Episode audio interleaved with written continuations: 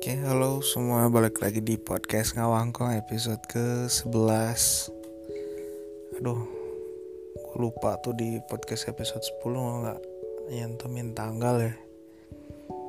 Ini hari yang sama, cuman di tempat dan jam yang beda. Uh, Podcast Ngawangkong Podcast episode ke-11 hari Selasa tanggal 8 Oktober 2019 di kamar gue tempat yang paling PW sejagat raya. Oke gue di sini temanya apa ya? Mungkin temanya bakal gue tulis di judul karena gue tak gue nggak tahu gue bakal fokus ngomongin apa ntar di sini presentase terbesar gue ngomongin apa di sini nggak tahu. Nggak nggak sama sekali nggak konsep gue bakal cerita apa di sini.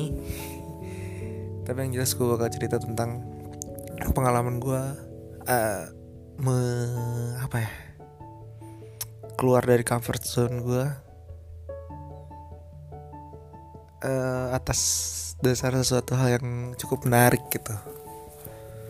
Dan di sini gue belajar sangat belajar arti bahwa um, setiap manusia memiliki potensi untuk berpengaruh di dalam kehidupan orang lain. Meskipun itu cuman selewat gitu. Um, gini jadi waktu itu gue main ke Jakarta. Main ke Jakarta. Banyak banget hal baru yang gue temuin di sana yang di luar dari kebiasaan gue biasanya gitu. Gue bakal terangin dulu kebiasaan gue sebelumnya gue adalah orang yang bermain aman. Biasanya sebelum gue melangkah gue harus tahu dulu dua tiga atau lima step ke depan tuh bakal seperti apa. Contohnya gini um, gue keluar dari rumah gue harus tahu gue bakal pergi ke mana gue bakal ngapain tapi nggak jarang juga gue keluar tanpa tanpa plan gitu. Nah gue keluar no plan banget gitu. Jalan aja udah naik motor. Sering banget sih tapi itu dalam koridor gue pengen berkontemplasi gue pengen bermeditasi gitu. Tapi untuk hal-hal yang penting untuk hal-hal yang serius biasanya gue punya plan dulu sebelumnya gitu. Kayak misalkan gue mau beli uh, pisang goreng nih. Gue mau pisang goreng di uh, titik D misalkan di titik D yang di mana titik D itu melewati dulu titik A, B, dan C gitu. Karena dari awal plan gue ke titik D, meskipun di jalan misalkan di titik B atau C itu ada tukang gorengan, gue nggak berhenti. gue mesti ke titik D dan balik lagi gitu. Biasanya gue gitu, orangnya main aman dan harus tahu dulu beberapa step ke depan untuk melakukannya gitu. Jadi kan kebayang kita bakal ngapainnya gitu kan. Nah suatu ketika gue diajak temen gue ke Jakarta nggak diajak tapi gue pengen ke Jakarta dan dia juga mau ke Jakarta akhirnya kita sama-sama ke Jakarta. Planning kita itu naik kendaraan umum tapi nyatanya di sana memang naik kendaraan umum tapi setelah turun di terminal itu bener-bener planningnya berubah total dan oke okay, it's, fine gitu gue ikutin aja jalurnya. Dia lebih ngerti ya udah gue ikutin. Kita naik kereta dan itu um, apa namanya um, experience baru banget buat gue untungnya gue masih ngikutin teman gue yang ini sahabat gue yang ini. Kita naik kereta komuter lain dari iya dari turun dari terminal itu ke daerah apa ya? Lupa. Tanjung Barat kalau nggak salah. Itu ke daerah uh, sawah besar. Uh, gue naik kereta itu pertama kali di jam yang santai. Jadi gue dapet experience yang wah menarik banget buat gue diri gue sendiri diri gue pribadi gitu yang tadinya gue nggak niatin naik itu ternyata gue niat gue naik itu akhirnya naik kereta komentar lain itu dan experience-nya wow seru juga gitu dan gue menikmati itu. Sepulangnya dari Jakarta gue merasa bahwa terkadang mungkin hidup harus dijalani tanpa rencana agar kejutan eh, kejutan-kejutan yang ada di muka bumi ini bisa lu buka dengan surprise gitu kan. Nah, untuk kali kedua gue pergi ke Jakarta itu benar-benar gue sendirian. Bener-bener naik travel yang sebelumnya gue belum belum pernah naikin itu dari Cianjur ke Jakarta.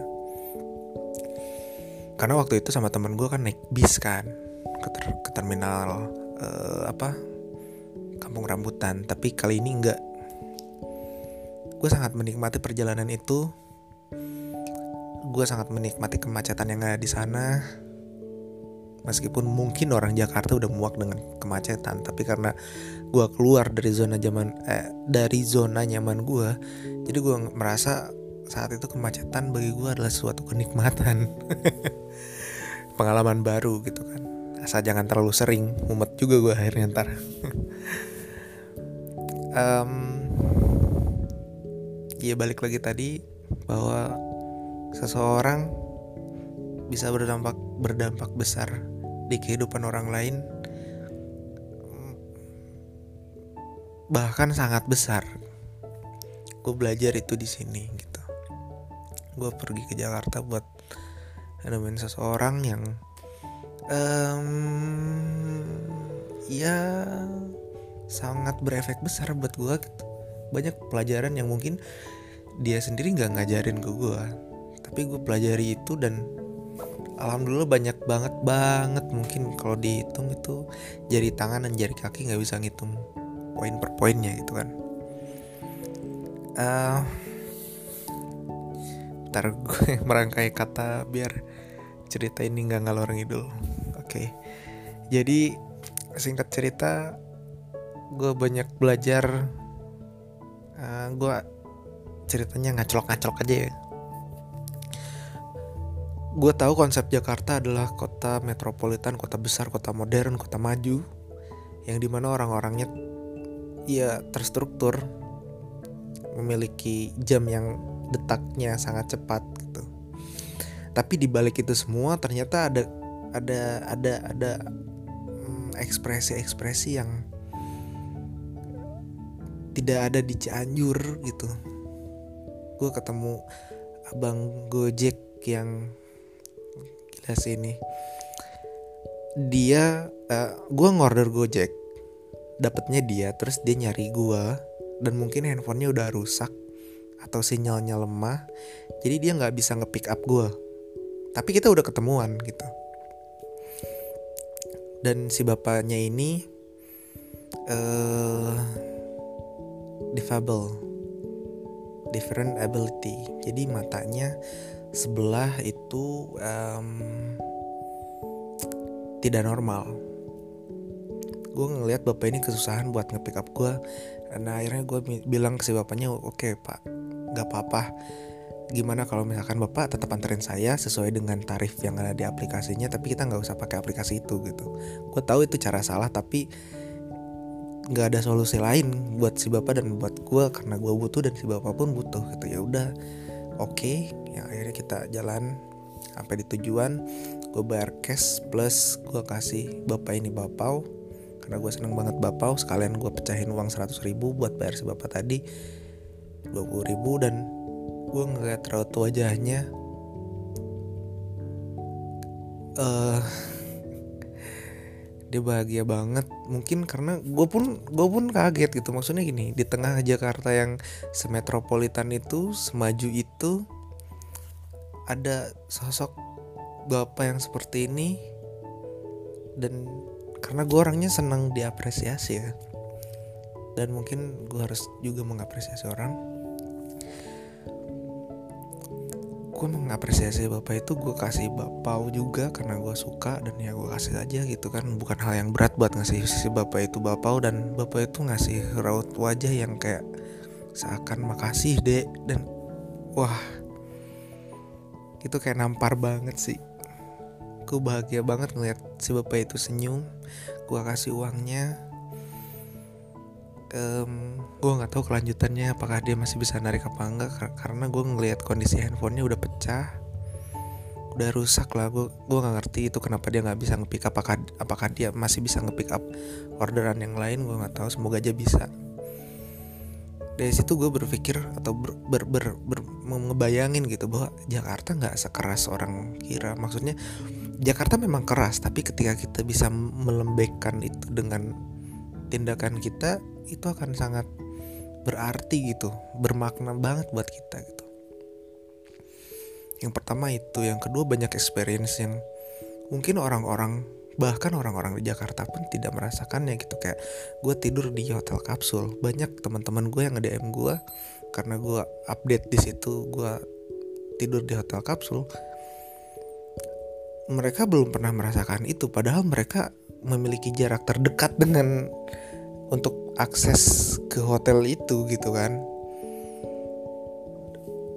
Ini itu kota mereka gitu. Kenapa nggak mereka? Cobain aja. Oh mungkin karena itu kota mereka mereka nggak punya kesempatan buat itu. Mungkin kalau ada di kota lain mereka bisa menggunakan kesempatan itu. Atau mereka tinggal di Jakarta dengan kesibukan yang cukup tinggi jadi nggak bisa. Ya oke okay, fine gitu kan. Tapi buat gue itu experience yang baru juga gue juga belajar naik busway. Dan itu menarik banget. Dan rata-rata gue kalau naik busway gue males buat duduk. Karena duduk itu bisa di motor di motor duduk di angkot duduk. Tapi di busway atau di komuter lain gue biasanya berdiri. Kenapa? Karena ya gue ngerasa aja bahwa ya itu experience yang gue cari gitu. Berdiri di transportasi umum itu menyenangkan sih buat gue dan dan jujur semua pengalaman yang gue rasakan yang gue alamin kemarin itu nggak akan pernah terjadi kalau nggak ada frekuensi lain yang mengganggu frekuensi gue ngerti nggak konsepnya? Kayak setiap orang punya frekuensi masing-masing. Punya getaran masing-masing. Punya vibesnya masing-masing. Dan gue salah satu orang yang percaya bahwa getaran itu geta, satu getaran dengan getaran lain uh, saling me, apa saling mempengaruhi gitu. Makanya ada orang yang bilang kalimat bad vibes atau good vibes morning vibes atau apalah gitu. Jadi mood mood yang kayak gitu tuh gue percaya tuh ngaruh banget di kehidupan seseorang termasuk yang merubah frekuensi gue saat itu. Yang akhirnya gue mendapatkan experience yang banyak banget di Jakarta. Sampai gue punya kesempatan buat naik motor di jalanan besar Jakarta itu bener-bener keren banget gitu kan. Um, mungkin orangnya juga dengerin. Aduh jadi malu. Oke. Okay. uh, Iya. Ya terima kasih sudah merubah frekuensi di hidup saya. Anjir. Tiba-tiba jadi saya. Oke, gitu. Jadi berkat frekuensi itu um, uh, universe aja universe uh, gimana ya gue ngomongnya gue takut salah. Uh, gini. Frekuensi yang nabrak di frekuensi gue itu ngerubah alternate reality yang ada di hidup gue ngerti gak sih? Setiap orang punya garis hidup masing-masing. Dan gue gue yakin garis hidup itu memiliki frekuensi frekuensi yang berbeda. Dan ketika frekuensi itu bertemu dengan frekuensi garis hidup gue alternatif realitas alternatif hidup gue itu kayak bikin garis itu berbelok-belok yang akhirnya nyentuh ke frekuensi yang lain juga gitu. Dan gue ngerasa setelah frekuensi itu bertuburkan satu sama lain uh, tidak tidak banyak orang yang ngerasa mereka sefrekuensi akhirnya. Pernah kan ngedengar kalimat wah dia mah nggak sefrekuensi sama gue kita nggak nyambung lah kita nggak apalah. Nah sebetulnya basicnya di situ jadi garis hidup seseorang gitu sebenarnya. Dan mungkin yang gue rasain selama gue di Jakarta kemarin ya frekuensi kita sama menurut argumen gue gitu. Yang gue harapkan dia pun memiliki argumen yang sama gitu karena ya gue yakin frekuensi itu kalau misalkan satu satu garis itu memiliki uh, merasakan bahwa frekuensi di sebelahnya sama ya frekuensi yang di sebelahnya pun merasakan hal yang sama gitu. Uh, itu konsep ya konsep gue nggak tahu realitanya kayak gimana. Dan itu ngaruh banget hidup gue banyak banget pengalaman baru dan dan dan dan dan dan dan merubah sudut pandang gue terhadap Jakarta yang dulunya sedikit uh, menyeramkan. Contoh kecilnya kayak jalan nih. Kalau salah jalan lu muternya jauh banget. ya itu kayak konsep hidup. Ya kalau lu salah jalan ya lu putar baliknya bakal susah gitu. Kecuali lu tahu jalannya. Lu ngerti jalannya, lu bisa jalanin itu dengan cara yang terbaik ya ya lu santai aja gitu harusnya gitu. Ya semoga jalan-jalan di depan itu masih frekuensi dan tidak perlu takut dengan putar balik yang jauh tadi gitu. Jalanin aja. Kalau kita udah satu frekuensi ya ya ya semoga sampai di tujuan yang sama gitu kan.